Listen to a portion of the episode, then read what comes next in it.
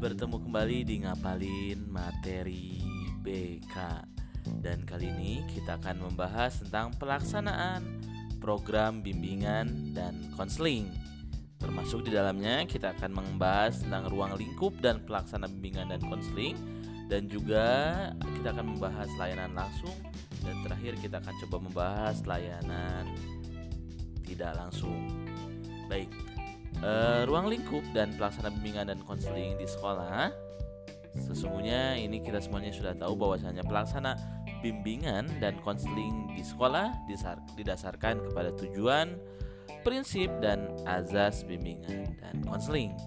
Kegiatannya mencakup semua komponen, sekali lagi mencakup semua komponen dan bidang layanan melalui layanan langsung, layanan tidak langsung berupa media, kegiatan administratif, peminatan peserta didik, serta kegiatan tambahan dan pengembangan keprofesian berkelanjutan guru bimbingan dan konseling atau konselor. Nah, dituliskan pada POPBK bahwasanya banyak sekali layanan langsung yang yaitu terdiri atas satu konseling individual, dua konseling kelompok, tiga bimbingan kelompok, empat bimbingan klasikal, 5 bimbingan kelas besar atau lintas kelas, 6 konsultasi, 7 kolaborasi, 8 alih tangan kasus, 9 kunjungan rumah, 10 advokasi, 11 konferensi kasus dan 12 peminatan. Jadi ada 12 layanan langsung yang bisa dilakukan atau harus dilakukan guru BK dalam rangka penyelenggaraan bimbingan dan konseling di sekolah. Selain itu, terdapat juga layanan melalui media atau layanan tidak langsung melalui media, yaitu meliputi satu papan bimbingan, kotak masalah, leaflet, dan pengembangan media bimbingan dan konseling. Selain itu juga layanan tidak langsungnya berupa kegiatan administratif atau kegiatan administrasi meliputi pelaksanaan dan tindak lanjut asesmen kebutuhan, penyusunan dan pelaporan program, pelaksanaan dan tindak lanjut asesmen kebutuhan, evaluasi program BK dan terakhir adalah pelaksanaan administrasi dan manajemen bimbingan dan konseling.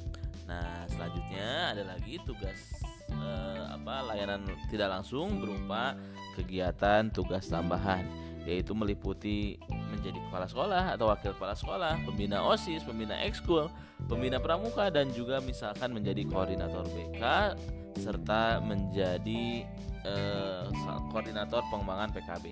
Dan selanjutnya layanan bimbingan tidak langsung atau kegiatan layanan eh, kegiatan bimbingan yang tidak langsung dirasakan oleh murid adalah pengembangan keprofesian berkelanjutan guru BK melalui seminar, workshop, dan pendidikan pelatihan dan selanjutnya. Jadi pelaksanaan bimbingan dan konseling di sekolah itu terdiri atas empat. Satu layanan langsung yang terdiri atas 12 kegiatan. Kemudian layanan la tidak langsung melalui media. Yang ketiga adalah layanan media eh, mohon maaf layanan tidak langsung administratif yang keempat adalah layanan tidak langsung pengembangan keprofesian berkelanjutan. Nah, di apa dalam POPBK dijelaskan sangat rinci setiap kegiatan-kegiatan tersebut. Nah, mungkin selanjutnya kita akan coba uh, petakan uh, layanan-layanan uh, tersebut berdasarkan komponen program yaitu layanan dasar, layanan peminatan dan perencanaan individual, kemudian layanan responsif dan layanan dukungan sistem atau mohon maaf dukungan sistem. Baik, pertama kita akan coba layanan dasar terlebih dahulu. Oke, e, kira-kira layanan dasar apa saja kah yang bisa dikategorikan sebagai uh, layanan langsung dan melalui media? Kita coba. Pertama, layanan dasar yang uh, berupa layanan langsung, yaitu contohnya seperti bimbingan klasikal, bimbingan lintas kelas atau bimbingan kelas besar, juga bimbingan kelompok. Ingat, dalam POPBK layanan dasar yang dilakukan secara langsung tertulis tiga hal tersebut atau tiga strategi tersebut yaitu bimbingan klasikal, bimbingan kelas besar atau lintas kelas, dan juga bimbingan kelompok. Selanjutnya, layanan bimbingan melalui media. Mohon maaf, layanan bimbingan melalui media yang berupa layanan dasar adalah pengembangan media BK, papan bimbingan, dan juga yang terakhir adalah pengembangan leaflet. Nah, selanjutnya kita akan coba menganalisa atau breakdown apa saja layanan peminatan dan perencanaan individual yang diselenggarakan secara langsung ataupun tidak langsung. Baik apa saja kan? Kita coba breakdown. Yang pertama adalah bimbingan klasikal tentu saja.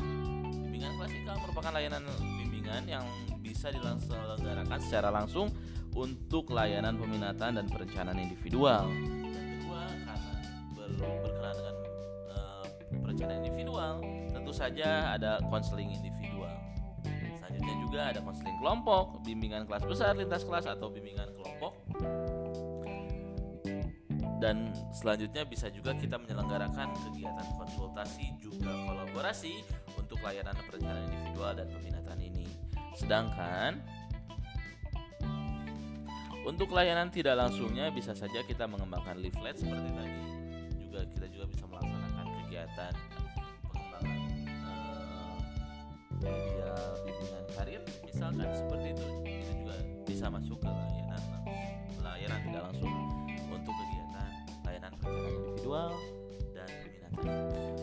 Selanjutnya yang ketiga, ini adalah kegiatan yang paling banyak sekali karena ini sangat berkenaan dengan layanan segera atau layanan yang dibutuhkan segera oleh peserta didik yaitu layanan responsif untuk responsif layanan responsif ini kegiatan yang dilakukan secara langsungnya ada di antaranya adalah konseling individual konseling kelompok konsultasi konferensi kasus kunjungan rumah alih tangan kasus dan yang terakhir adalah advokasi itu tertulis dalam POPBK eh, jika di SMP itu halaman 47 Selanjutnya, layanan e, responsif juga bisa dilakukan melalui media, contohnya konseling melalui elektronik atau e-konseling.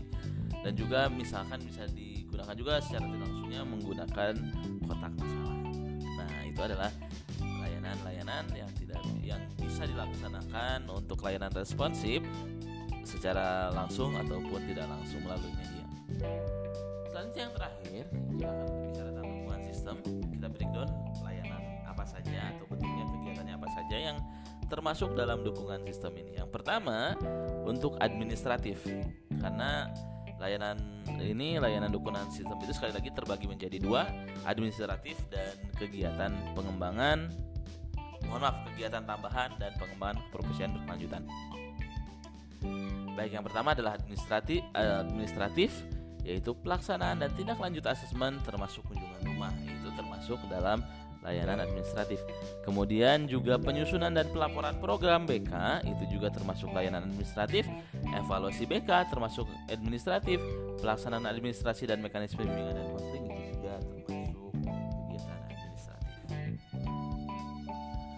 Dan selanjutnya kita akan bahas juga kegiatan tambahan dan pengembangan keprofesian berkelanjutan yang termasuk dalam dukungan sistem.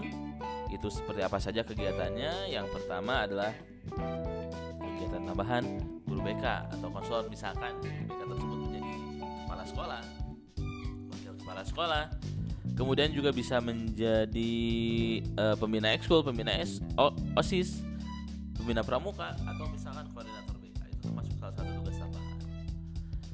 Selanjutnya juga ada pengembangan keprofesian berkelanjutan guru bimbingan dan konseling atau konselor. Nah, itu merupakan kegiatan layanan bimbingan dan konseling uh, di mana semuanya uh, merupakan tugas pokok guru BK di sekolah. Selanjutnya kita akan coba ngomongin uh, sedikit tentang ini ya sedikit tentang kontroversi. Sebenarnya bukan kontroversi karena sudah jelas payung hukumnya, tapi memang di lapangan banyak sekali uh, menjadi kontroversi. Pertama, kita akan ngomongin pelaksana bimbingan dan konseling.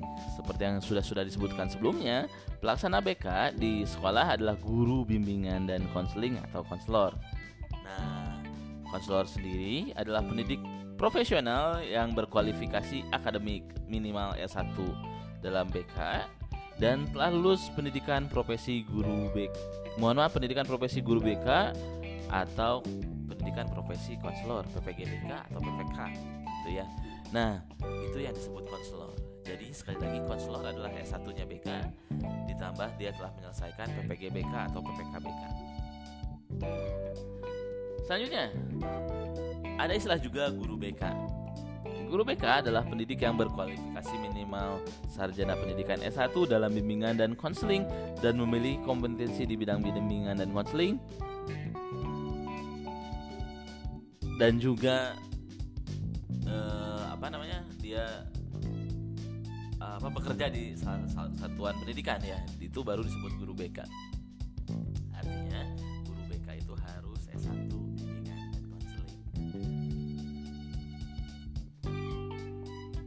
baik itu adalah pelaksana bimbingan dan konseling selanjutnya kita akan ngobrolin tentang layanan langsung layanan tidak langsung layanan melalui media dan seterusnya dan seterusnya. Tapi bukan pada episode ini kita bertemu kembali di episode selanjutnya. Kita akan ngomongin layanan langsung yaitu bimbingan kelompok. Selamat berjumpa kembali